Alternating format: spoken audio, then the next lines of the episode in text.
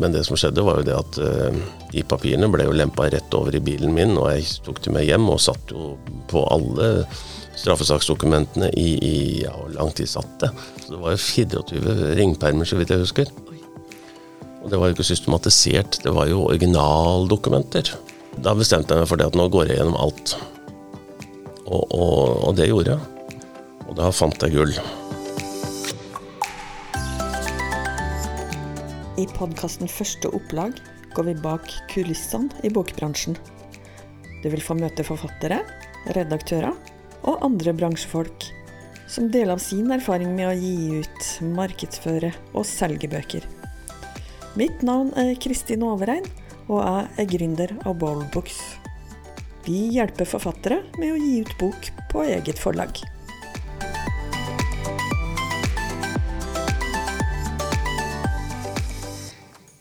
I dag er det fem dager siden Riksadvokaten kom med sin avgjørelse om at Viggo Kristiansen var uskyldig. Og Baneheia-saken har vært Norges mest omtalte mediesak den siste uka. Men du, Eivind Pedersen, du var så sikker på at den avgjørelsen skulle komme, at han var uskyldig, at du allerede før Riksadvokaten uttalte seg, hadde sendt boka di i trykken, som konkluderer med akkurat det samme. Det stemmer, det. det når du har drevet og holdt på med denne saken her i ja, godt og vel 22 år, så begynner en etter hvert å kjenne litt lusa på gangen. Men øh, sånn sett så har det jo vært en veldig lang øh, fight for å komme dit hen. Men da jeg begynte for alvor å skrive på denne boka, det var jo da utpå vinteren eh, i år. Så skrev jeg jo den med det premisset at Viggo Kristiansen skulle bli frikjent. Sånn at eh, det, har jo, det har jo vært eh, klart hele tida for meg at saken kom til å ende der. Men det som var litt spennende, var jo at eh, hvis man da Altså det har jo skjedd så mye rart i denne saken her sånn opp igjennom av påtalemessige rariteter og og, og, påfunn at uh, en kan, kunne jo nesten ikke være sikker før spikeren var satt i kista. Men um, det, Og det skulle jo liksom ha tatt seg ut om en hadde sendt boka til trykking, og så, så fant de ut til at nei, kanskje vi skal lytte litt til bistandsadvokatene, som uh, ber om omkamp nå på fallrepet her sånn. og at utsettelsen i saken kanskje kunne ha drøyd over nyttår, og kanskje ikke vi hadde fått noen avgjørelse før våren eller neste sommer eller you name it. Det har jo tatt fryktelig lang tid å flytte på disse kommaene i saksbehandlingen. Men øh, det som gjorde utslaget, var at der fikk høre at øh, statsadvokaten i Oslo hadde innstilt til Riksadvokaten på frifinnelse. Da var det bare å starte pressa. Fordi at jeg visste jo at statsadvokaten i Oslo hadde hatt et veldig tett og nært samarbeid med Riksadvokaten gjennom hele den nye etterforskningen som da skjedde etter at saken ble gjenopptatt 18.2 i 2021. Mm.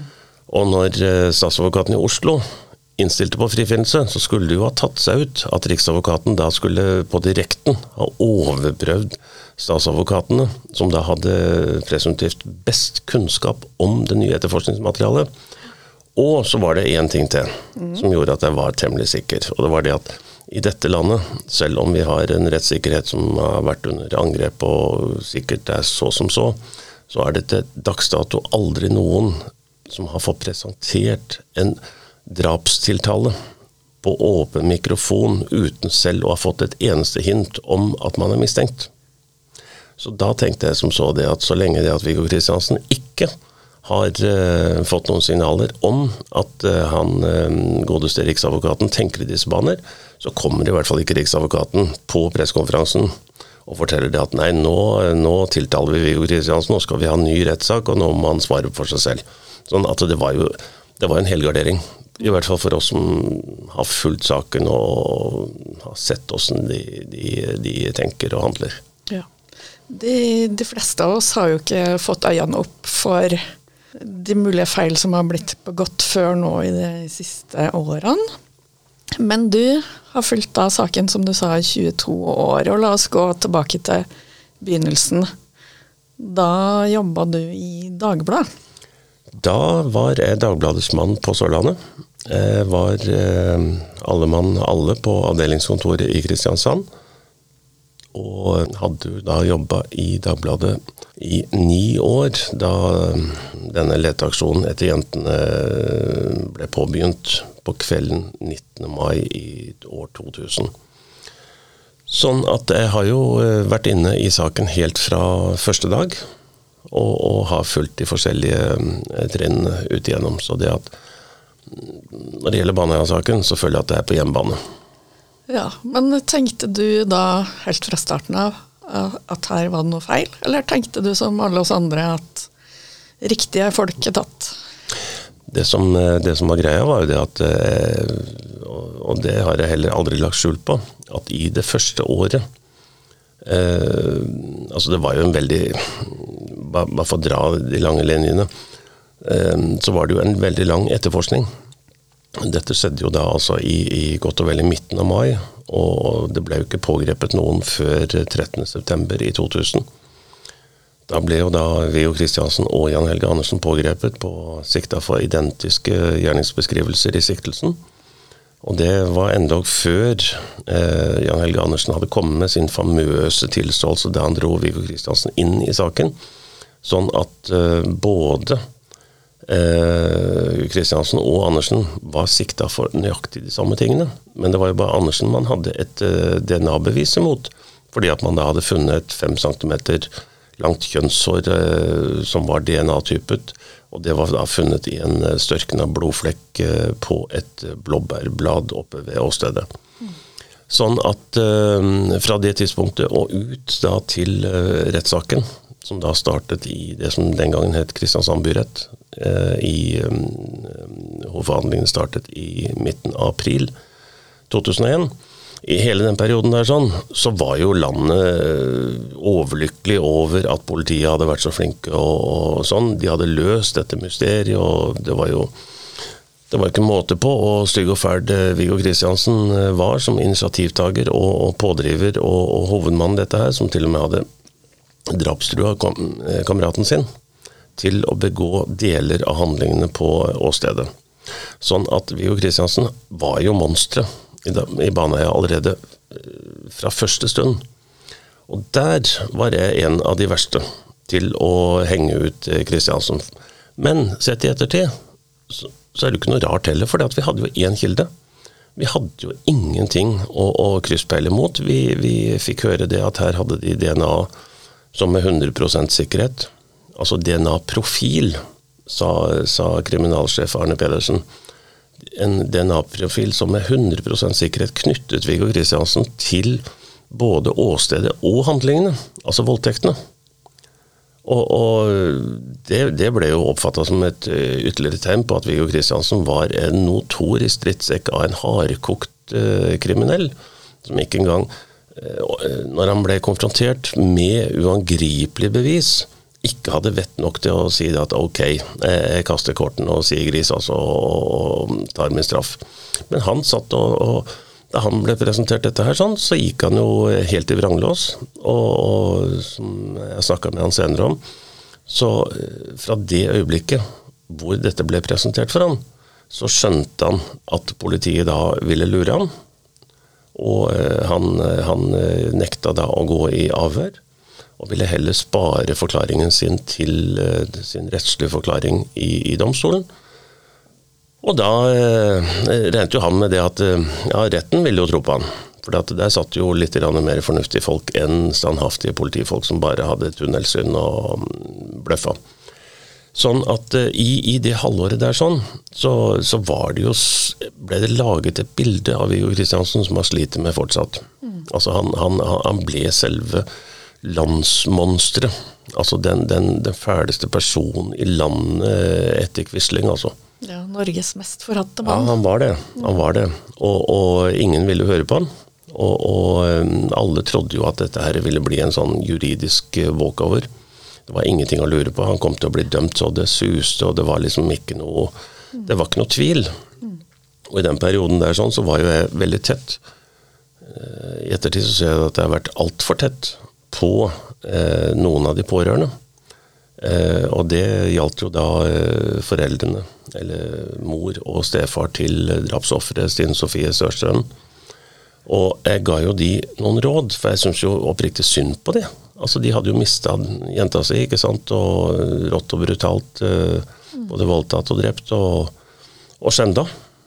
Eh, sånn at jeg sa til de det at når rettssaken nå kommer opp, så har dere også noen rettigheter. Dere behøver ikke å finne dere i at eh, mediene skal med bred pensel eh, male ut detaljene i saken. Sånn at jeg ga de råd om at dere går til bistandsadvokatene. Eh, ser om dere ikke kan få satt, noen, eh, satt ned noen grensepåler for, eh, for, pressens dekning, sånn at ikke alle detaljene behøver å, å, å komme ut. Jo da, de, de lytta til mitt råd, og, og sånn ble det. Sånn at Da rettssaken starta, så, så ante man jo ikke egentlig hvor grensene gikk. og Jeg husker jo det at Jorunn Støland, som da jobba i, i, VG som kommentator, hadde jo da laget en kommentar en, en av de første dagene i, i byrettens behandling. Og den brøt jo med litt grann med dette prinsippet som da var lagt til grunn, men som egentlig ingen visste, visste hva, ja, altså hvor, hvor, grensene gikk. Og, og, hun fikk jo en forrykende kjeft um, for åpen rett eh, neste dag. Og det var jo på håret at ikke i hvert fall hun ble kasta ut. Og dommerne sa jo sånn, så det at hvis dette gjentar seg, så rydder vi pressebenken. Sånn at det var jo et utrolig rigid regime som vi da hadde å jobbe under i, i, i eh, den første rettssaken.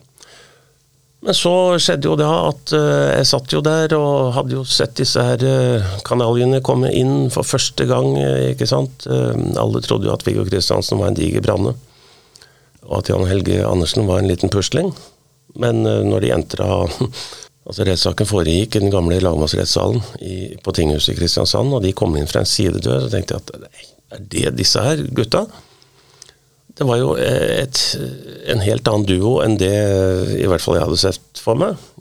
Altså, Viggo Kristiansen kom inn som han viste seg å være en pusling på ja, ja, en tettbygd dame. Han er 1,70 høy. En, en tettbygd liten kar. Jan Helge Andersen er jo en svær brann i forhold. Sånn at allerede da så, så skurret det litt. Grann. Altså, hva i all verden er dette her, tenkte jeg. Mm. Men vi hadde jo ikke noe, vi hadde jo ikke noe mer å navigere etter. Så det at han satt jo der og noterte og rapporterte og ja, prøvde å lage ja, grei journalistikk. Altså rettsreferat og journalistikk rundt det som da fremkom i, i, i rettssalen. Men eh, så gikk det jo som det måtte gå Nei, det måtte ikke gå sånn, men det dukka i hvert fall opp en kjempebombe Okay. På bevisføringens Det var vel neste siste dag i byretten. Var i hvert fall det nest siste vitnet. Da begynte min jobb med å løse Baneheia-mysteriet. Oi, Hva var det som skjedde da? Nei, plutselig så nei, Vi var jo mer eller mindre ferdige. Det var jo bare noen sånn øh, sak, psykiatrisk sakkyndige som gjensto, og det var jo ting som vi aldri engang skulle bry oss så veldig mye med. Øh, sånn og sånn. Men det gjensto å høre vitnemålet til dekningsdirektøren i Telenor Mobil, som det het den gangen. Aha, mobilbeviset. Ja, og da dukka det opp en sånn energisk kar i, i vitneboksen som het Bjørn Amundsen. En litt sånn nerdete fyr som ja, som tydeligvis visste veldig godt hva han holdt på med. Mm. Og han eh, snakka rett ut av posten, han, og sa bare rett ut at uh, ut ifra de målingene som Telenor Mobil da hadde gjort, så kunne ikke Viggo Kristiansens mobiltelefon ha vært på åstedet.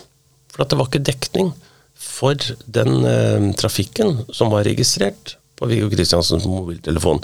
For den hadde gått via en basestasjon som aldeles ikke hadde dekning på åstedet. Og hvis han hadde vært på åstedet, så sa han det at det, det, er jo Han tok vel litt godt i, men han sa i hvert fall i retten at det er jo 10-20 andre basestasjoner som tar seg av trafikken i, i Baneheia, sa han. Det husker jeg veldig godt, for det, det var ordrett hva han sa. Mm.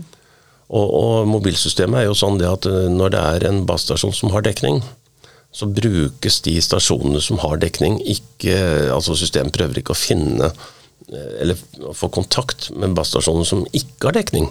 Og det er noen sånne eh, tekniske finesser der sånn som gjør det at eh, signalstyrken skal være over et visst nivå før mobilen da hopper over på neste. Og da var det jo panikk i leiren til påtalemyndigheten. Og, og jeg husker jo statsadvokaten eh, Arne Edvard Dahl, som var aktor. Han, han, han fikk jo helt noia. Eh, Hva i all verden var dette? Han var helt uforberedt. Ja, for det passa ikke inn i puslespillet deres. Nei. Dette var ja, altså Nå har jo jeg tilbrakt eh, masse tid i retten i, i, i mange år. Men dette var den største bomba jeg har noensinne opplevd. Sånn at statsadvokaten han prøvde jo febrilsk å liksom eh, bortforklare dette her. liksom at ja, nei, han, Da han bodde og liksom litt høyt og luftig i Kristiansand, så når det var høytrykk og sånn, så var jo han Han var jo ikke fremme med det at det da kunne oppstå sånne speilinger, som han kalte det for. Sånne dekningsmessige speilinger. sånn at han kunne jo sitte hjemme på sommeren og glede seg over at han eh, fikk inn spansk fjernsyn. Eh, ja, og, og, og, og liksom istedenfor da å uteksaminere Norges største og beste dekningsekspert, så satt statsadvokaten og prøvde å bortforklare dette her. Så det, det, endte, det endte jo opp nærmest eh, som en farse, fordi at statsadvokaten glemte jo da at det er forskjell på altså mobilsystemets basestasjoner og deres dekning, og det han beskrev som, som altså er eh, atmosfæriske refleksjoner over lange strekninger eh, når det gjelder TV-signaler. Det, det var jo sånn som i gamle dager, når vi hadde svenske antenner og sånn, ikke sant, så var det jo alltid mye bedre eh, seerforhold når det var høytrykk. Mm. Og det, det, det, var de samme tingene som skjedde. Altså, TV-signalet gikk opp i atmosfæren, og så ble det brakt ned igjen. Men når det gjelder mobiltelefoner, så går det direkte fra basestasjonen til mobiltelefonen. Og, og ligger det noe imellom der, så får du ikke kontakt. Ja, fordi Viggo Kristiansen hadde sendt et par tekstmeldinger den dagen. Han hadde sendt mange meldinger mange var det. i det kritiske tidsrommet. Ja. Han hadde sendt Det var registrert meldinger klokka fem på syv, tre på syv, syv minutter over halv åtte. Og det var en til eh, rett før klokka åtte. Det var tekstmeldinger. Ja. Tekstmeldinger krever et veldig lite, liten båndbredde. Men i tillegg så hadde han da tatt eh, to telefonsamtaler. Ti på halv ni og rett før halv ni. Og alle disse eh, bevegelsene, eller telefonaktiviteten, var registrert på den samme basestasjonen, den som da ble veldig berømt etter hvert, som heter EGA. Mm.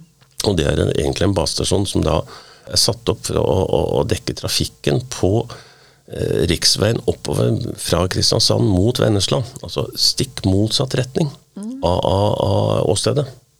Og, og, denne basestasjonen den sto i tillegg bak et uh, solid heishus av, av, av, betong oppe på ei høyblokk. Så det at det, det, det, det, var jo ikke måte på og um, radiotekniske fenomener som da angivelig skulle ha skjedd, ikke bare én gang, men flere ganger i dette tidsrommet der, for at dette skulle kunne gå opp. Men sånn tidsmessig, da, hadde det vært mulig å på en måte løp, løpt litt det, frem og tilbake? ja, hvem gjør det når du står til knes i, i, i handlinger som, som, som Kristiansen var tiltalt for? Ja. Altså, men, det, men, det, jeg gjorde da, da, da, da, da ble jo jeg, meldte jo tvilen seg. Ja. Altså her, her, skurrer det. Dette, mm. dette både ut ifra Dahls, altså aktors reaksjon, febrilske reaksjon, og at dette var sånn Altså, vi pressefolk vi har et sånt eget uttrykk som heter 'å faen'-følelsen. Og den og faen'-følelsen, den hadde uteblitt i, i, i rettssaken uh, inntil da. Men da fikk jeg den følelsen. Og da gjorde jeg en veldig enkel øvelse. Jeg tok utgangspunkt i det som Jan Helge Andersen påsto hadde vært hendelsesforløpet. Altså hvor de to gutta da hadde gått og det var jo det aktoratet også la til grunn. Så tok jeg stoppeklokka, og så tok jeg tida. Og konklusjonen var jo det at det var jo ikke engang tid til å gå den løypa der sånn. Jeg tror det at det mangla 13 minutter eller noe sånt. Og i tillegg så skulle, da, skulle de altså da ha tid til å lokke disse jentene, få de med opp på åstedet, mishandle, voldta, drepe og gjemme de, og så eh, komme seg ut av området. Men i tillegg, for at hele beviset da skulle kunne forklares, så skulle jo da Viggo Kristiansen ha måtte vite at det var noe som het dekningsgrense for basestasjonen, og at han da var kobla opp eller, måtte skaffe seg et alibi ved å koble seg opp imot denne EG A-senderen, som da ikke hadde dekning. Så han måtte jo da løpe fire-fem ganger fra åstedet og ut og, og, nesten en kilometer av gårde for å sende disse her tullete eh, ferdiglagde kjærlighetserklæringene til, til, til venninna si, og så løpe tilbake igjen for å bli registrert på denne EG A-senderen.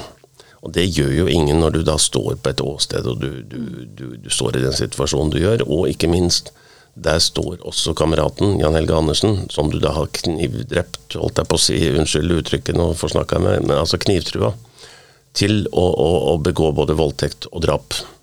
Altså, du gjør bare ikke det. I, I, hvert fall kjenner ikke jeg noen som er så gærne at de, de, i det hele tatt tenker en sånn tanke. Så det, at det var jo helt absurd. Ja. Sånn, og, og, og i tillegg så Hvis hun venninna hans da hadde svart på en av disse meldingene mens han var på åstedet, så ville jo han da blitt avslørt, fordi at den meldingen ville jo da blitt sendt over en helt annen passestasjon. Mm. Og da hadde han jo vært avslørt. Mm. Så det at det, det, det mobilbeviset er vanntett. Det, det, det, er bankers, altså. Da, da, da visste at, at Viggo Kristiansen eh, han, han eh, ja, han var jo mobilfrik, han hadde jo alltid mobilen med seg, og det, det, det var ikke mulig. Men det som da gjenstod, var jo det at uh, du hadde DNA-beviset. Og det var litt kinkig. Vi ante jo ikke hva DNA var. Det var noe greier som var mye, mye bedre enn fingeravtrykk, skjønte vi, men Ja, for det var veldig nytt på den tida? Det var helt nytt. Mm. De hadde utvikla en I hvert fall det som ble brukt til å undersøke ekstrakten i Baneheia, noe som het Love Copy et eller annet, som gjorde at det lille ekstraktet de hadde, det ble altså da forstørra 34 000 ganger. Og så eh, består jo da et, en DNA-prøve, eller i hvert fall det det skal sammenlignes med, det består jo, i hvert fall i våre dager, av altså, Du sammenligner oppimot 17, 27, 32 eller alle 42 genparene som eh, vanlige, normale mennesker har. Og um, i Baneheia så var det presentert et 100 eh, sikkert, sikker DNA-profil ut ifra én allell, altså én av de 42. Og det, det altså Viggo Kristiansen hadde en alleltype som het 10, og Jan Helge Andersen hadde alleltype 11.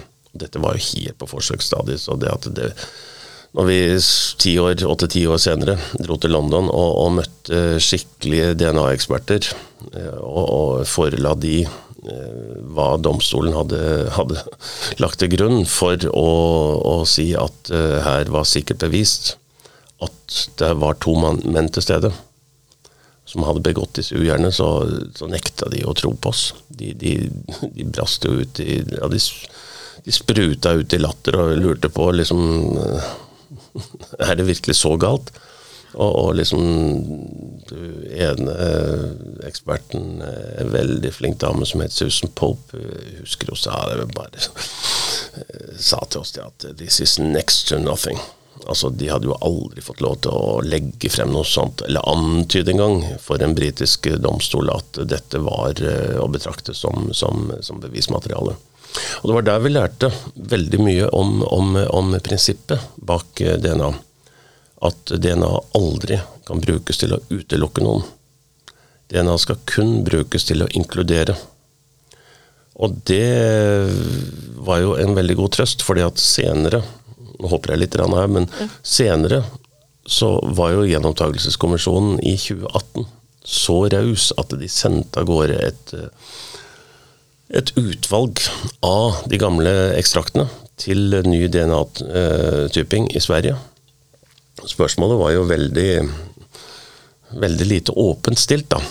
Spørsmålet til svenskene var er det spor av Viggo Kristiansen i disse prøvene. Det var ikke snakk om hvem.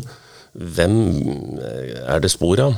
Og, og, og, og da husker jeg vi, når vi fikk de resultatene der, sånn, så stokk vi litt i, i, i magen. For der kom det på en av prøvene, så var det syv eller åtte av de allellene som de da hadde funnet og klart å type. Det var jo identiske alleller med Veo Kristiansen. Og da tenkte vi at oi, har de funnet syv-åtte tilsvarende? Ja, men tenk hvis Altså, han ble jo dømt på bare én, og én tvilsom. Så dette her må jo være Jeg husker vi, vi tenkte at oi, er han avslørt nå? Ja. Men eh, så hadde vi jo vært i, i London og, og, og, lært dette her. Så vi kikka på hele kolonnen av, av, av, resultater. Og der var det jammen tre-fire eh, alleller som var en helt annen type enn det Viggo Kristiansen har. Sånn at om man da hadde syv-åtte, så, eh, så, lenge det at det bare er én Det trengs bare én allell til å utelukke det. Og da er du ikke lenger inkludert. Sånn at det er som når du spiller lotto. Du får alltid én rett. Du får gjerne to rett. Altså, men, men, men å da skulle få eh, I det øyeblikket du har seks rett i Lotto, så mangler du en. og så trekker de det siste tallet.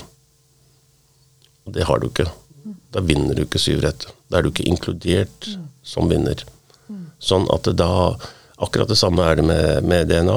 Altså, det er så vanvittig nøye og et fint hjelpemiddel i bevissammenheng at har du DNA, så er du, så er du tatt, altså. Men, men, eh, da skal det være et fullverdig DNA, ikke bare en, en en eh, dårlig profil, altså en to, årgang 2000, i en allel-profil, slik det ble, ble gjort i, i Baneheia.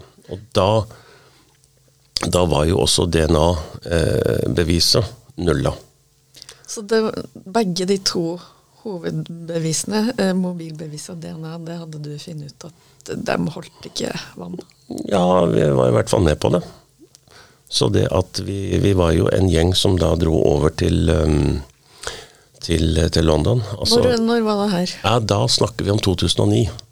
Fordi at Viggo Kristiansen eh, sendte jo sin henvendelse til eh, advokat Klomsæt i april 2008.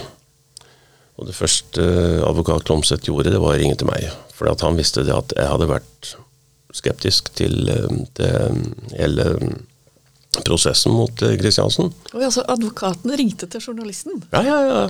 ja. Men fordi da hadde du allerede skrevet om det i Dagbladet at du var skeptisk? Eller? Ja, både det, og så hadde jeg truffet Klomsæt under lagmannsrettens behandling eh, i Arendal i 2002. Ja. Og da hadde vi vært ute og spist middag. Mm. Og da hadde jeg sagt nærmest på fleip til Klomsæt at um, du kan ikke du få utsatt den der saken som du står i nå, og så kan du overta uh, som Viggo Kristiansen forsvarer, for han har jo ikke forsvaret seg.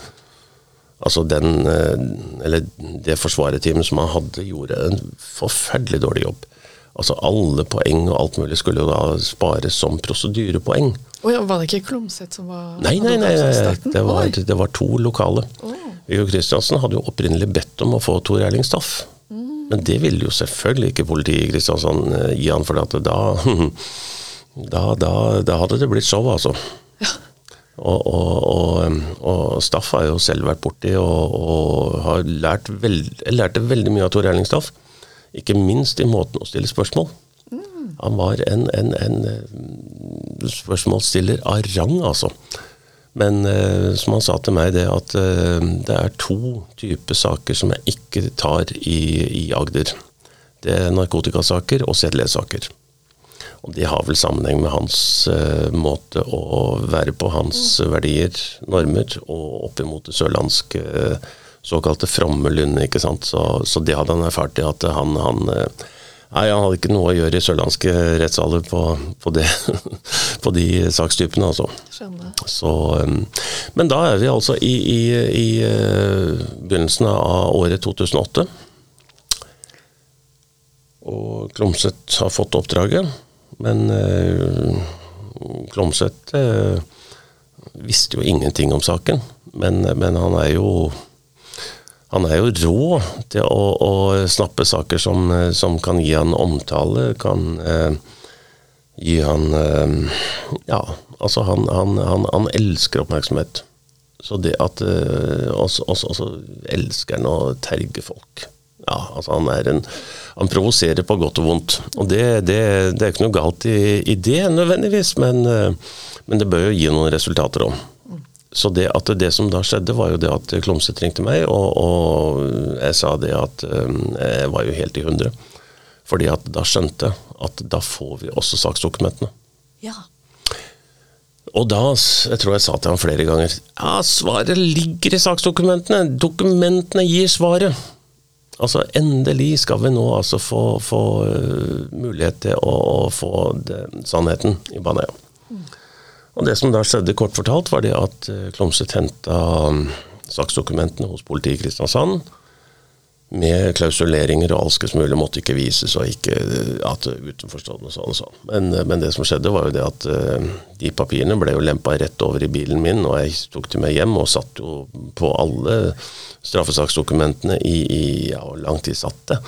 Oi, så du fikk saksdokumentene? Ja, det var jeg som kunne jobben. Eller kunne saken, og da Og jeg hadde, jo sagt at dette her vil etter bunns i, det at eh, da, da, var det veldig greit for han at jeg satt og gjorde Altså, jeg hadde jo forutsetningene. Jeg, jeg visste jo Altså, et av hovedargumentene eh, mot gjenopptakelse, eller tanken om gjenopptakelse, var jo det at eh, domstolen hadde jo da vurdert det aller, aller meste, eh, ble det påstått.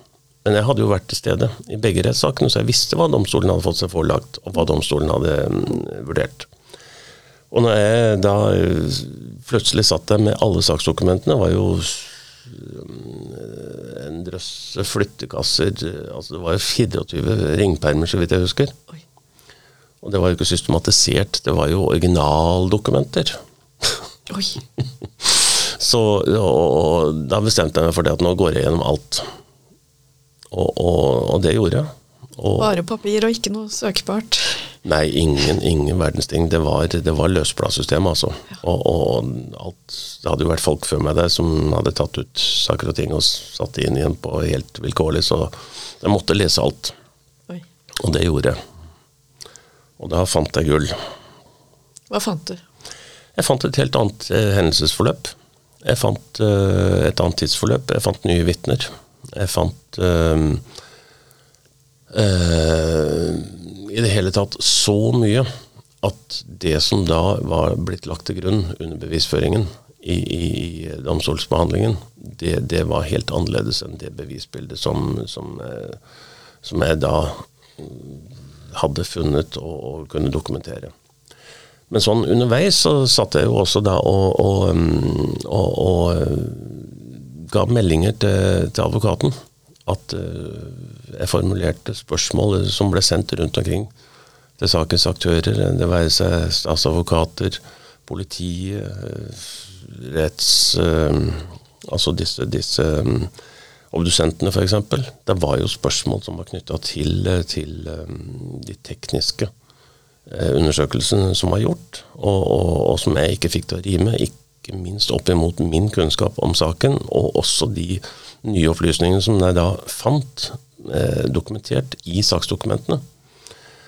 Og da eh, var jeg veldig i tvil om Nei, jeg var egentlig ikke i tvil, men, men jeg var veldig i tvil om mm, hva kunne bli følgende hvis dette ble oppdaga. For jeg jobba jo da som journalist i Dagbladet. Ja, det her var det, det var kanskje ikke helt etter boka. Nei, altså det, fin, fins ikke noe i pressens uh, regelverk som Altså det går ikke an å lage regler for, uh, for en slik situasjon. Jeg, følte, jeg, altså jeg fulgte min egen samvittighet. Altså her visste at her det, har det skjedd noe. Altså jeg, jeg mente, eller i hvert fall rettferdiggjorde meg selv med at dette var den eneste måten å avdekke dette justismordet på. Og den som hadde forutsetninger til å gjøre det, det var, det var faktisk ingen andre enn jeg som hadde den forutsetningen. Ja. Og når jeg da satt og bladde i, i disse dokumentene og, og, fant alt dette her, så, så følte jeg ikke at jeg gjorde noe galt. Altså rent sånn eh, presseetisk. Fordi at jeg hadde gjort en avtale med advokaten at dette skulle vi gjøre i, i, i fellesskap. Altså når jeg tok kontakt med vitner og hvem det måtte være, så sa jeg alltid det at jeg da var journalist i Dagbladet som i samarbeid med advokat Klomsæt eh, prøvde å finne ut hva som hadde skjedd i Baneheia-saken. Ja, nettopp.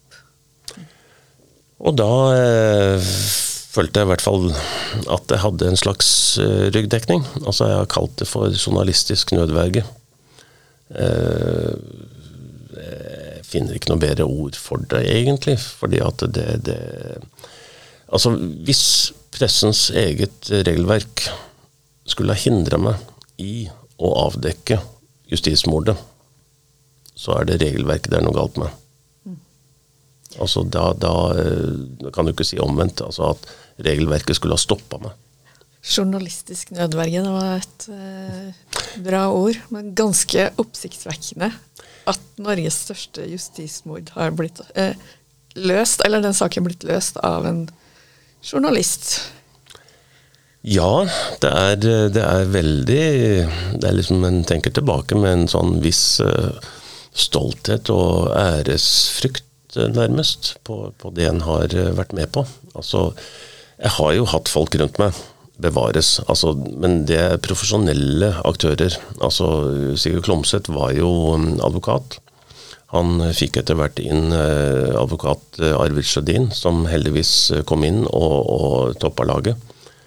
De fant jo etter hvert eksperter, DNA-eksperter. Arvid Sjødin hadde jo da var da den som fikk inn eh, Ragne Farmen, som da drev Norges eneste ISO-godkjente eh, laboratorium, altså DNA-laboratorium i, Stavanger, som het Gena.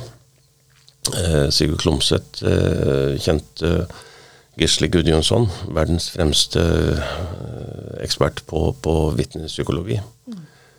Osv. Men dette, de, de var jo profesjonelle aktører. Mens jeg satt der liksom som, som den uh, lille pressemann som da endelig hadde fått godtebutikken for seg selv, for å bruke det uttrykket der. Uh, altså, jeg fikk muligheten til å, å, å, å, bruke min bakgrunnskunnskap og den kunnskapen som da lå i saksdokumentene. Mm.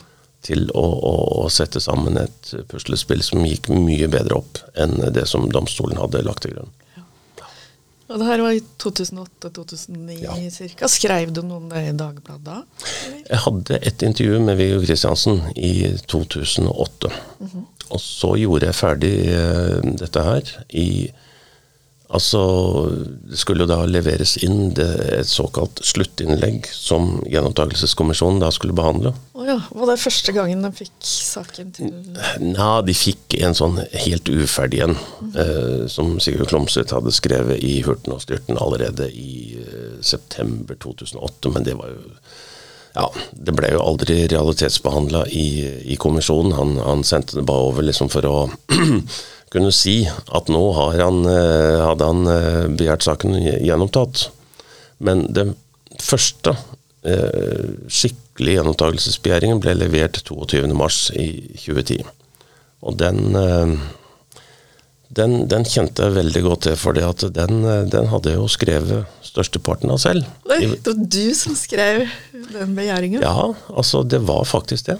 Altså den, den, den faktiske delen altså den faktiske delen av den gjenopptakelsesbegjæringen som da gikk på det nye hendelsesforløpet, den eh, bygde da på de observasjonene og, og, resultatene som jeg hadde funnet.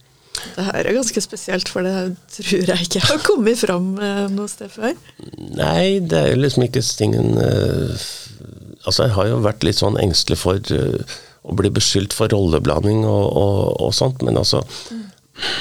Jeg følte det at jeg, jeg klarte I ettertid så kan, så kan, jeg sikkert kritiseres for både det ene og det andre, og at det, dette skjedde i skjul for uh, arbeidsgiveren og alt mulig sånn. Men, men, altså da slo nødvergen inn. Mm. Altså nødretten slo inn. Mm.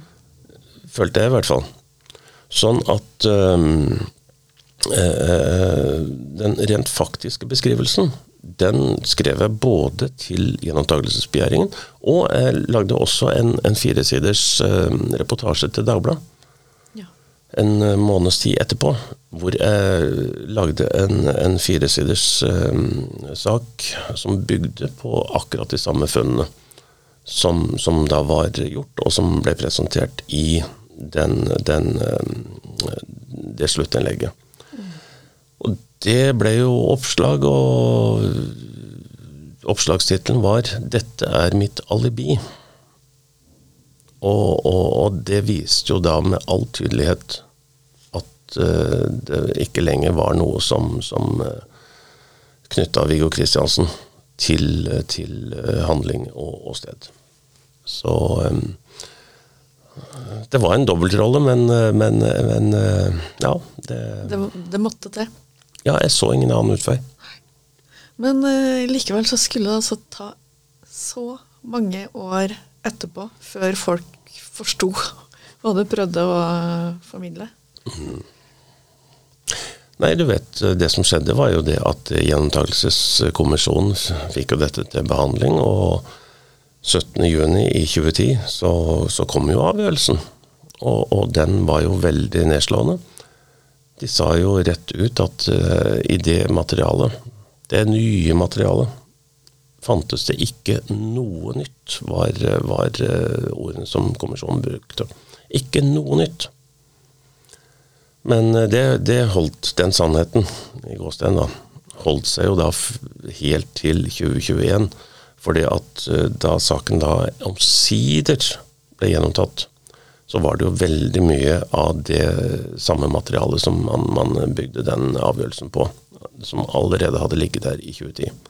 Mobilbeviset, DNA-en osv. Og, og, og så er det blitt sagt at, at saken har jo mer eller mindre ligget til gjennomtakelse i, i alle disse årene, og, og det er helt riktig at de de eh, gjenopptakelsesbegjæringene som er inn, blitt innlevert, det har jo egentlig bare vært eh, flisespikking og, og, ordstokking i forhold til den første. Altså Det har jo ikke kommet til noe nytt, grunnleggende nytt. Men altså en har brukt andre ord, en har fått inn eh, økt ekspertise. Vi fikk jo inn ytterligere DNA-ekspertise. Vi fikk inn en eh, pensjonert eh, Telenor mobilingeniør, som da har laget noen fantastiske utredninger og analyser som da eh, virkelig viste hvor galt det såkalte mobilbeviset var som bevismiddel. Det, det, det var fullstendig ubrukelig. Vi fikk inn folk som eh, kunne imøtegå politiet og eh, statsadvokaten. Altså de lokale i Kristiansand og Agder som da mente at eh, at, at eh, tidsforbruket, tidslinjene og alt mulig sånn, var uh, tvilsomt. Alt dette ble tilbakebevist. Altså, altså det var egentlig det, det, som skjedde fra 2010 til 2021, var jo egentlig en slags mer sånn uh, faktapakking av, av, det som allerede var utgangspunktet. Mm. Sånn at det var jo egentlig litt sånn ordkløveri, mye av det. Men altså masse, masse, masse ny uh, informasjon også. Men altså, det var jo bare utvidelser av den argumentasjonen som allerede var basic i 2010. Mm. Men sånn som jeg oppfatta det, så har du vært eneste journalisten eller medieperson som har hatt det synet du har hatt om at Viggo Kristiansen kunne være uskyldig. Stemmer det? Ja, det har jeg papir på. Du har papir på? Nei, altså Litt, litt flåste sagt, men, men eh, Norsk Journalistlag gjennomførte, eller rettere sagt Institutt for journalistikk, gjennomførte en eh, spørreundersøkelse. Jeg tror det var 27 av de som dekket rettssakene. Fikk alle det samme, eller eh, svært spørsmålsskrift, og et av de spørsmålene var Mener du at dommen var korrekt? Og da var det bare én stemme som stemte på det at dommen ikke var korrekt. Og den, eh, den kjenner jeg godt til hvem, hvem, det var som sa nei til det. Hvordan har det vært, da? Hvordan har du blitt møtt av kolleger? Nei, Jeg er blitt latterliggjort. Jeg er blitt eh, sett på som en tulling som, som ikke skjønte det liksom resten av flokken var enige om at sånn, sånn måtte det være. Så det, det, det, koster alltid å være den som bryter ut av flokken og hevder noe annet. Ja. ja. Så det at det har vært mye, mye baksnakking, mye Ja, det, det, er ikke alle som er Det er ikke alle gamle vennene som jeg har lenger, altså. Eller vil ha. Ja. Det skal litt eh, baller til for å stå på sitt fortsatt og eh, gå imot saueflokken? Ja, men på den annen side så, så, falt det seg veldig naturlig, for jeg har alltid vært den som eh, jeg har vært litt spesiell. Altså, jeg har jobba på egen hånd så lenge jeg kan huske.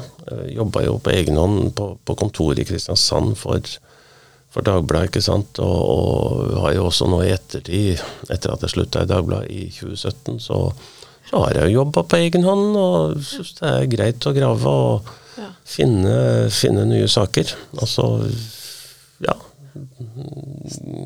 Ja, være den som går litt sånn utenom strømmen. Jeg pleier å si det at det er jo det er bare død fisk som følger strømmen, altså. Ja, ja så, så, da er det bedre å, å være litt sånn makrell og mm. skeine litt, altså. Men det skulle ikke være du som eh, skrev den første boka om Baneheia-saken. Bjørn Olav Jahr har jo fått veldig mye oppmerksomhet rundt de to bøkene han har skrevet. Eh, og den, de kom jo Når var det de kom? 20... Den første kom i 2017, og den andre kom vel i fjor, og da skrev vi 2021. Mm. Ja. Og den første, den, eh, det var jo en, en på mange måter en revolusjonerende bok, fordi at der plompa plumpa han jo rett uti og, og, og banna i kjerka. Ja. Han, han, eh, kalte jo boka Baneheia, eller i hvert fall Nå husker jeg ikke ordrett hva den het, men i hvert fall To, to, histori to historier, én sannhet. sannhet. Ja. Og det, det, var jo en fenomenalt god tittel. Mm. For det er jo det det har vært. Mm. Det har vært to historier. Men altså sannheten er det bare to personer som vet. Det er jo Jan Helge Andersen og Viggo Kristiansen som er de to eneste på denne kloden som, som vet 100% sikkert hva som her har skjedd. Men han eh, tok i hvert fall for seg det materialet som da forelå. Han eh, hadde jo da fått oppfordring til å skrive denne boka her, og, og, og det var jo da i, i av personer i, i, eh, i, kretsen rundt eh, Viggo Kristiansen, og også andre, ikke sant, som som, som gjerne ville at ja, skape en opinion. Mm. Fordi at vi, vi, visste jo det at de, alle de menneskene som vi hadde prøvd å forklare problematikken i Baneheia jeg tror ikke noen av de landa på det at Viggo Kristiansen måtte være skyldig. Det var heller en sånn følelse at oi, er det det Baneheia-saken dreier seg om? Sånn at kunnskapsbehovet var jo egentlig kjempestort. Altså, Én ting var det at, at, løsningen allerede lå på bordet i 2010. Men uh, alle trodde jo det at uh, Gjenopptakelseskommisjonen med, med, med, sine flinke folk og, og sin ekspertise og alt mulig, de, de hadde jo skåret igjennom og blankt avvist alt dette her. Sånn at i, i folks øyne så, så, var liksom sannheten i Baneheia allerede fortalt. Ja. Men det, det var den jo ikke. Sånn at vi kjempa jo for å få omtale. Altså kjempa for å få ut informasjon. Så det at boka til Bjørn Olav Jahr var jo kjempeviktig. Mm. Fordi at den, den, skapte blest om hele sakskomplekset.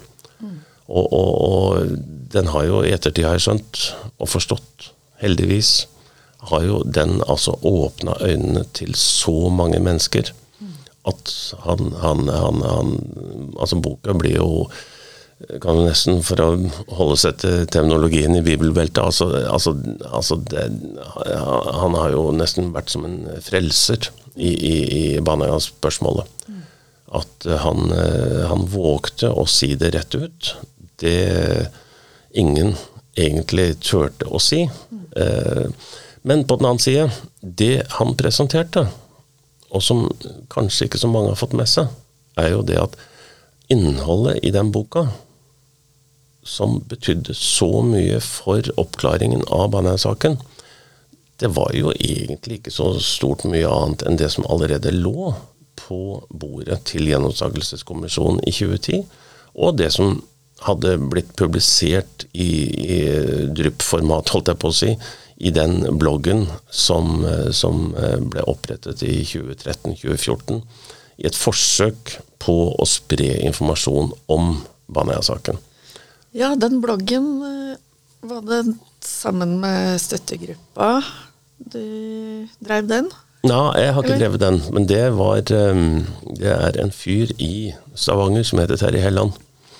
Som da hadde kommet inn i saken via via, og, og eh, hadde da via en annen sak eh, kommet tett inn på advokat Sjødin. Også eh, Han var også med i bildet da Sigurd, advokat Sigurd Klomsøt hadde i trøbbel i forbindelse med billedlekkasjen etter 22.07. bl.a. Sånn at han, han, hadde jo da kommet inn, og, og, hadde jo da mer eller mindre motvillig måtte erkjenne det at oi, er uh, Baneheia-saken er visst en, en, en uh, stygg sak. Ja, Sjødin, når var det han kom inn i bildet? Sjødin kom inn altså Sjødin har jo vært med mer eller mindre hele tida. Fordi at uh, Klomsæt og Sjødin Altså, jeg kaller de, jeg kaller det i boka mi for um, uh, jussens uh, knoll og tott.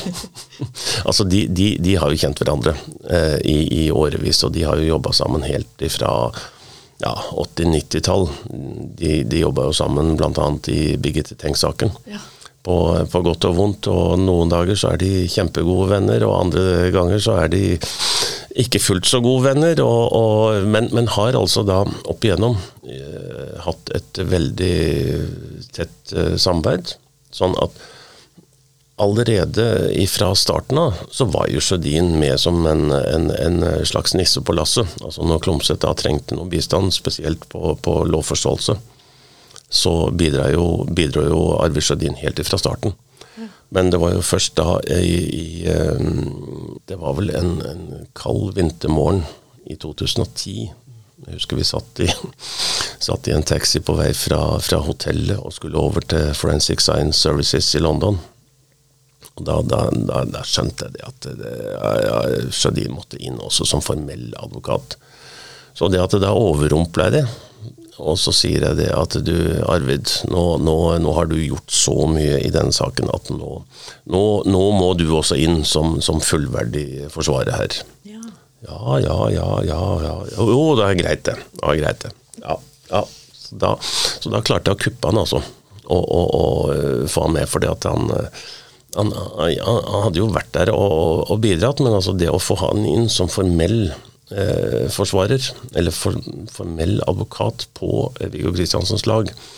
Altså, I det øyeblikket så visste jeg det at nå kommer den saken her til å bli eh, oppklart. Viggo Kristiansen kommer til å bli frikjent. For eh, Sjødin er en Han er en kapasitet. Og, og, og en helt annen støpning enn en, en Sigurd Klomsæt på, på mange måter. Men eh, for å, å, løse en slik sak, betent sak som dette, så må du være Altså, Jeg skriver vel i boka det at Sigurd Klomsæt er kjent for å, å, bruke dynamitt som sitt uh, fremste våpen, mens uh, Arvid Sjødin bruker dirken. Så um, kan jo enhver tenke, eller gjøre seg sine tanker uh, rundt det, men sånn, sånn, sånn ble det jo. Tilbake til den bloggen. Det var det Terje Helland, som du sa. Mm. Leder for støttegruppa til familien til Viggo Kristiansen. Han, eh, det har vel egentlig aldri vært noen leder i, i, i støttegruppa. Vi har vært en, en, en, en gjeng da, som har ja, eh, okay. ja. stått last og brast. Og mm, noen har vært der, og noen har kommet til. Og, mm. ja. Så det har jo vært et, et uh, støttegruppelignende miljø. Mm som har, som har, vært der uh, hele tiden. Ja. Jeg så jo på Facebook i går at han, Terje Helland hadde delt en bloggsak fra 2014 mm. med tittelen 'Er Viggo Kristiansen uskyldig?' Ja.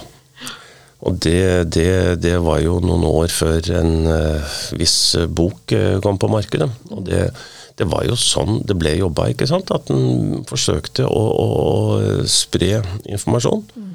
Og, og, vi visste jo, eller vil si det at jeg har aldri sagt, og det sier jeg ikke nå heller, at Viggo Kristiansen er uskyldig. Men det fins ikke bevis for hans skyld. Mm. Og det, det, er Altså Hadde jeg sagt at Viggo Kristiansen er uskyldig, det hadde vært noe helt annet. Mm. Fordi at det, da, da, da, kunne jeg ikke ha jobba på dette viset. Fordi at jeg, jeg har jobba for å motbevise de bevisene som ble brukt for å kjenne han skyldig. Litt sånn innfløkt, men Ja, jeg skjønner. Ja, så, um, ja, fordi hvordan er det nå egentlig? Eh, bildet er jo litt sånn svart-hvitt. Helt fram til torsdag så trodde flesteparten at Viggo Kristiansen eh, var et monster og var skyldig. Og ja. så, nå tror plutselig alle, også media, at han ikke var det. Og hvordan kan vi nå være sikre Og, og sammen med rettsapparatet, hvordan kan vi nå være sikre på at vi har det rette svaret? Ja, Det er egentlig veldig enkelt. Fordi at eh, hvis Viggo Kristiansen skal være skyldig, så må det jo være bevis for hans skyld. Så en kan ikke bare gå rundt og, og synse og tro. Mm. Altså, uh, Det som har gått igjen i hele gjennomtakelsesprosessen, har jo vært det at det er, har vært uh, beviskraften i de såkalte samlede bevis som har, um, som har hatt Som har trumfa. Altså at det er ikke ett bevis, det er liksom flere bevis. Og liksom summen av dette her. Men altså, de samlede bevis har jeg sagt lenge det at det, det må forbys med lov. Fordi at eh, da åpner man også for å bruke følelser, tro og, og, og litt sånn halv... Magefølelse. Ja, magefølelse og litt sånn halvfabrikata av bevis. Mm.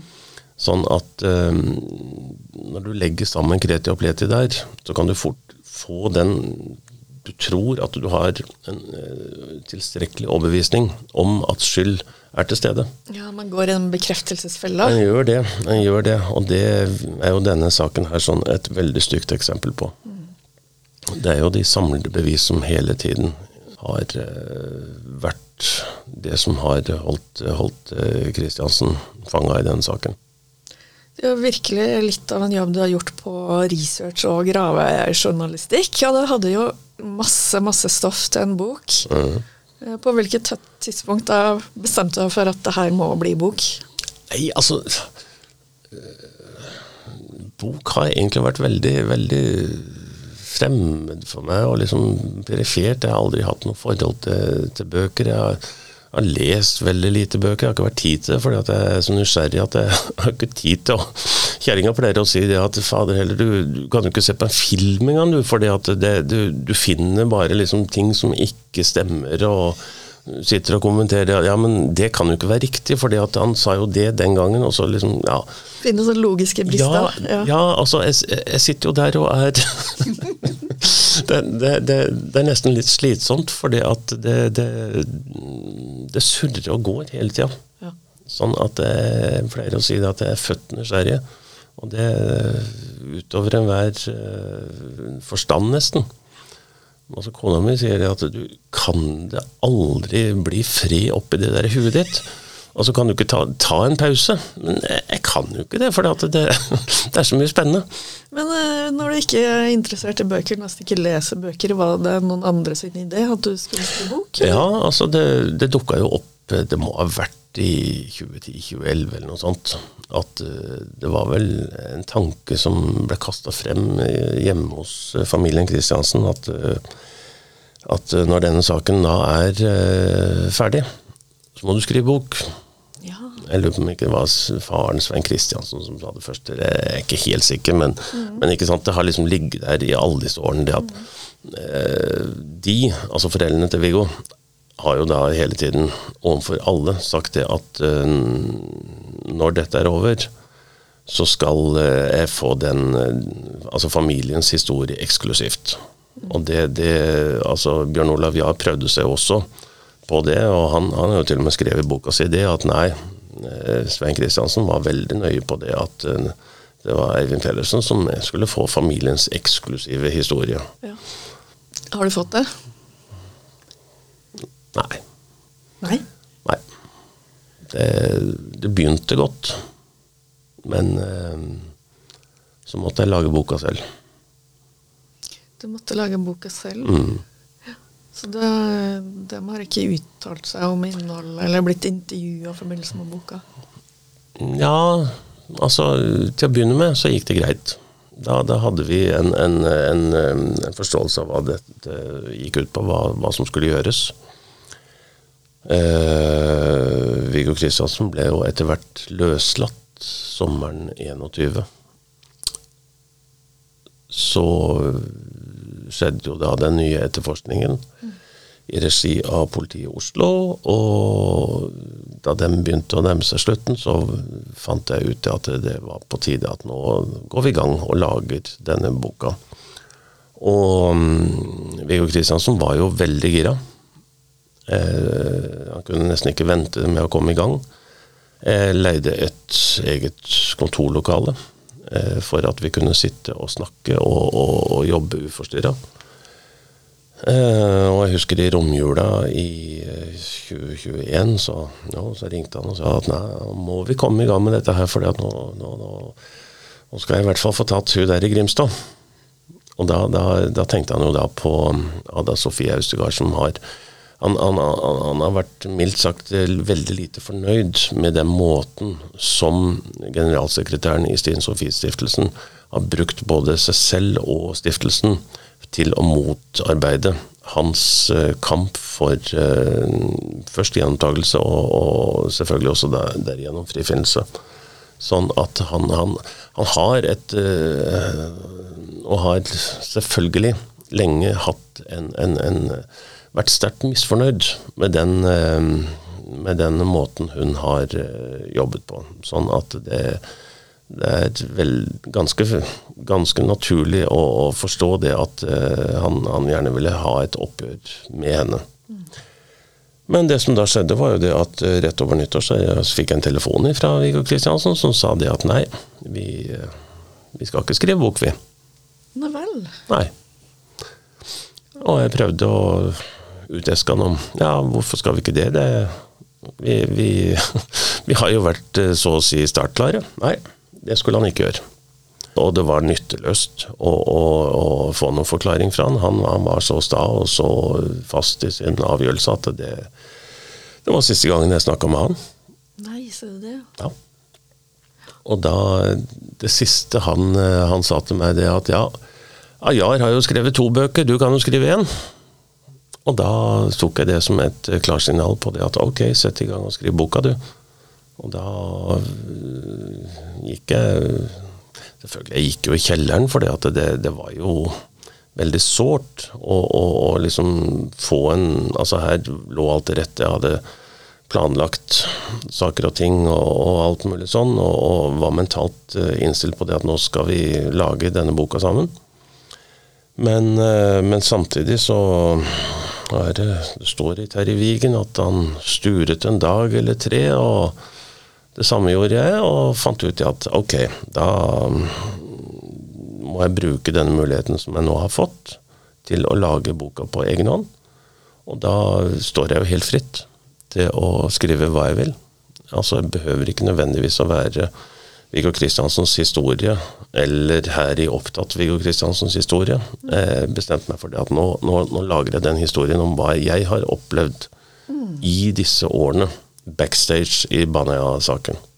Så det ble rett og slett din historie du forteller. Men jeg skjønner det må ha vært utrolig sårt å bli avvist på den måten når du har brukt jeg vet ikke. Hvor mye, mange timer, måneder, år har du brukt på den saken frivillig og gratis for å løse den og løfte den fram? Det tør jeg ikke regne på engang. Det har vært um, det har vært, uh, det har vært uh, så mye arbeid og så mye snakk, ikke minst i heimen. Det var, det var så mye snakk i heimen at uh, at dattera på et tidspunkt lurte på og kom, kom, og spurte at du, har en ukjent halvbror? Har en halvbror som heter Viggo? Nei, men hvorfor spør du om det? Nei, for det, det, snakker jo så mye om en sånn Viggo, så jeg ja, liksom trodde faktisk at at, at, at, at vi, vi, vi, vi snakka nesten om et familiemedlem, altså. Så, så, så mye har uh, Viggo-saken Ja, så flytta inn i heimen, altså. Så nært har det Ja, vært. For ja. du har jo hatt litt kontakt med han, som er fortsatt Ja, i fengselet og Vi har hatt veldig god kontakt, men, men ikke noe sånn påtrengende omfattende omfattende kontakt. Jeg har besøkt han noen ganger i fengselet. Jeg har vært hjemme hos han, eh, eller hjemme hos familien. Han har hatt noen permisjoner, de få han har hatt. Jeg husker vi kjøpte, vi kjøpte gavekort til han til jul. Da ga jeg et gavekort på 500 kroner på eh, Kristiansands institusjon Snadderkiosken. Fordi at, ja, fordi at uh, når foreldrene hans kommer inn, eller kom, eh, reiste inn til han hver tredje helg, så hadde de alltid med seg kjøttkaker fra Sna- Snadderkiosken. Som han da fikk, eh, fikk oppvarma på mikroovnen der inne på Ila. og ja, Favorittmåltidet? ja, ja, ja, ja. Så da, da, da husker jeg skrev noe sånn 'God jul', og her har du noe Nå kan du snart gå og handle dine egne kjøttkaker, eller noe sånt, skrev jeg til han. Ja. Så vi, alle, alle regnet jo med det at eh, frifinnelsen var rett rundt, eh, rundt hjørnet. Eller i hvert fall gjenopptagelsen. Ja. Men, men det drøyde et par år ekstra. Men du fikk jo da på en måte klarsignal til å skrive bok, selv om det ikke skulle være biografien til Viggo Kristiansen, så ble det din historie nå. Mm. Um, vurderte du å kontakte et forlag for å gi den ut? Ja, jeg hadde allerede vært i kontakt med forlag. Ja. Ja. Et av Norges største forlag, og de var jo i 100. Fordi at de så jo for seg at de kunne få boka som fortalte historien om Viggo Kristiansen. ja. Og dette, det gjenstår jo bare noen formaliteter og alt mulig sånn og sånn. Og jeg husker jeg måtte jo ringe til de og si det at nei, nå, nå Det blir liksom ikke den boka som jeg har forespeila. Og da kjølna jo interessen ganske umiddelbart. Og, og det var så åpenbart at de, de bare så for seg Viggo Kristiansens uh, biografi. Og, og eh, var ikke interessert i å, å fortelle den historien som, som, som jeg da tross alt kunne tilby. Av, eh, altså smått og stort ifra Baneøya i kulissene i, i alle disse årene. Ja, så hva Nå veit jo jeg hva du endte opp med med å gjøre, da. Fordi du kontakta jo oss i Ja. Ballbox Ja. Sammen med Terje Helland, Mm, som eh, har vært eh, presserådgiver. mm. Um, og hadde Du hadde bestemt deg da, eller dere hadde bestemt dere for å gi ut den boka på eget forlag. Jeg, jeg gikk jo i gang med å skrive denne boka eh, bare noen uker etter at det hadde skåret seg med, med Viggo Kristiansen. Sånn at manuset var jo veldig godt i gang. Og, og eh, jeg husker til og med jeg sendte eh, manuset til forlaget, og jo, det, det, var, det så jo greit ut, men eh, vi Ja, men, og hva er det de sa for noe? Om vi så må vente et par år på at kanskje Viggo Kristiansen blir klar, så, så gjør vi det. Vi vil ha med hans historie. Å ja. Ja. Og da satt jo jeg på et eh, manus, og ja vel.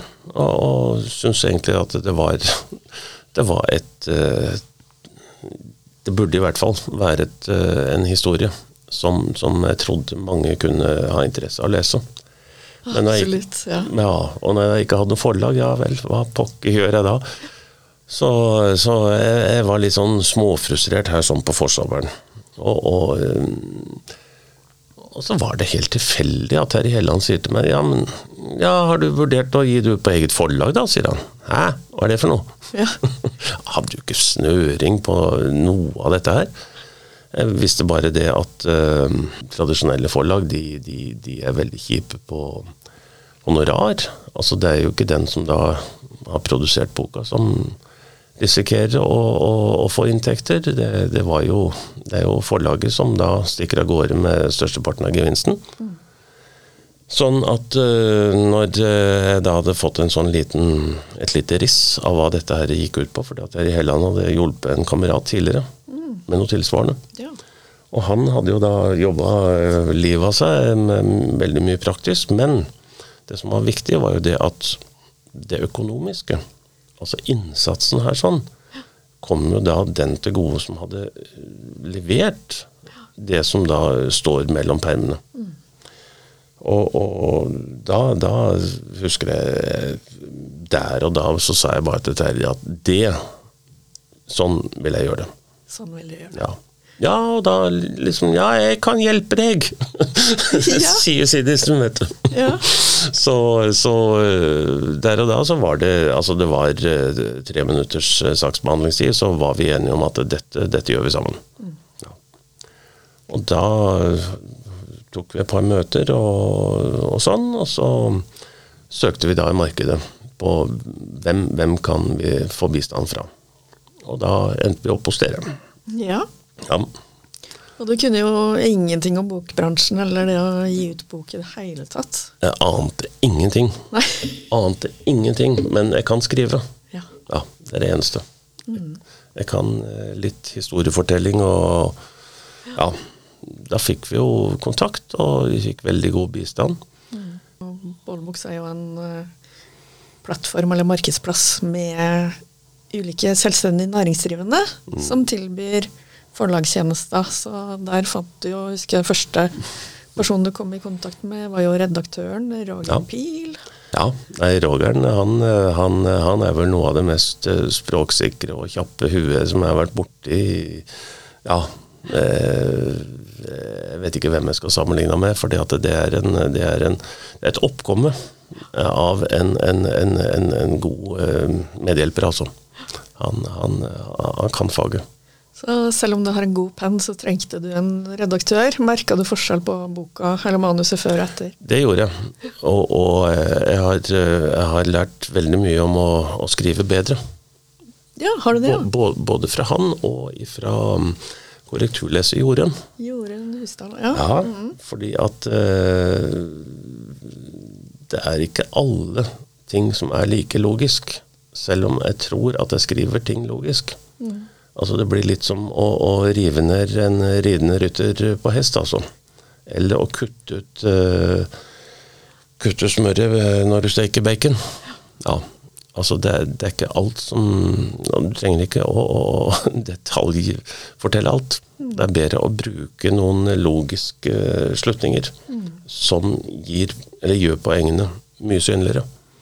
Det har de lært meg. Så det har en gammel ringrev av en journalist lært seg. Ja, ja, ja. ja, det er gøy. ja og så var det Ida Nygaard som eh, bisto på cover og, og brekking og design. Ja, og det, det har også vært et veldig hyggelig bekjentskap. Eh, Pirkete som, som fy. Ja, ja. Ja, og det, det er et veldig godt tegn. Men den største utfordringa med å gi ut selv, det er vel for mange salg og markedsføring. Hvordan har dere løst det? Nei, altså der eh, støtter jeg meg på eh, fagfolk. Eh, og det er jo der Terje Helland kommer inn i bildet. Han, han, han har jo den, eller masse mye mer i erfaring i, forhold til meg, i hvert fall. Sånn at de tingene har jeg sagt til han at jeg skriver, du selger. Ja. Og, og vi har jo da blitt enige om en del eh, trekk. Eh, vi har, um, vi har oppretta egen hjemmeside, vi har eh, egen Facebook-side, vi har Baneheiabok.no. Ja, Ja. og den har vi jo eh, Og så har vi ikke sagt navnet på tittelen på boka ennå. Nei, det skal du få lov til å avsløre. I skyggen av Viggo. ja. Halve livet bak murene. Bak gitteret. Bak gitteret, var det. Ja. Så, um, og det, det, det er en tittel som da eh, henspeiler på min rolle i saken. Fordi at jeg måtte jobbe i en anonymisert utgave. Eh, Sånn at jeg, jeg syns egentlig det var en veldig passende tittel. Altså at eh, i, i hans kamp så har jeg beveget meg i, i skyggen ja. Uten å, å være synlig. Ja. I hvert fall ikke for så Ikke- mange. Ikke før nå. Nei. så det er jo veldig spennende, dette her. Dere har jo forhåndssalg av boka gjennom den nettsida. Mm. Sjekka med Terje Land eh, nå i stad, og det er forhåndssolgt mellom 800 og 1000 bøker.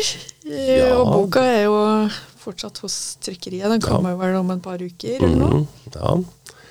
Det er jo veldig bra forhåndssalg. Det er jo like mye som noen, mange selger totalt av Ja. boka si. ja det, jeg har latt meg fortelle det at det, det er eh, en veldig god indikator. Så det kommer jo til å bli eh, høsten og vinterens eh, bestselger, det her. Og da håper jeg endelig at du får lønn som fortjent etter alle disse åra med research og stå-på-vilje for å få løsning på en sak som er så viktig for rettsstaten Norge.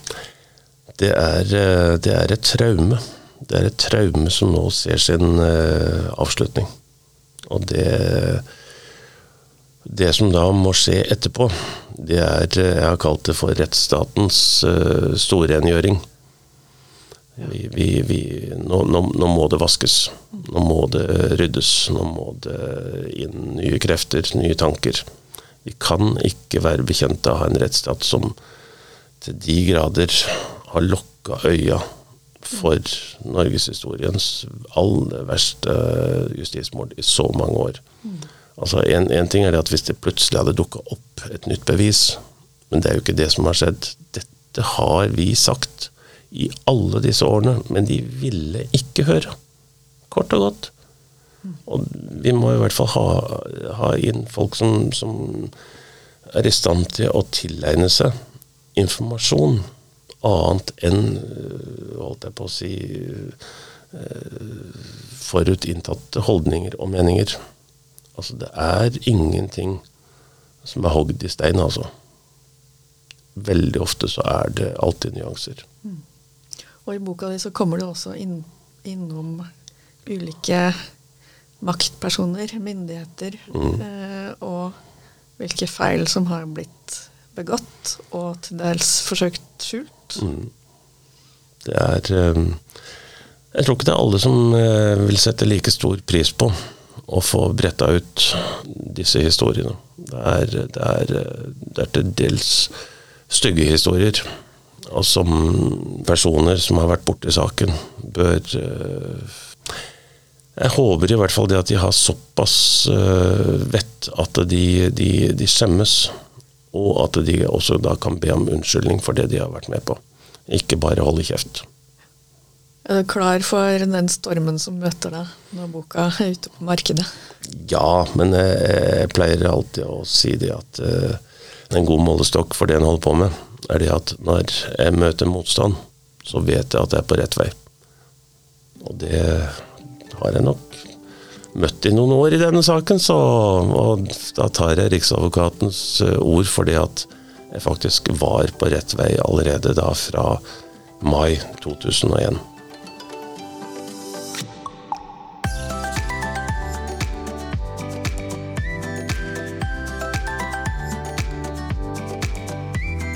Du har hørt en episode av Første opplag, en podkast produsert av Boldbooks. På boldbooks.com kan forfattere få direkte tilgang til eksperter i alle deler av bokprosjektet. Alt fra redaktør og korrektur til bokdesign og trykking.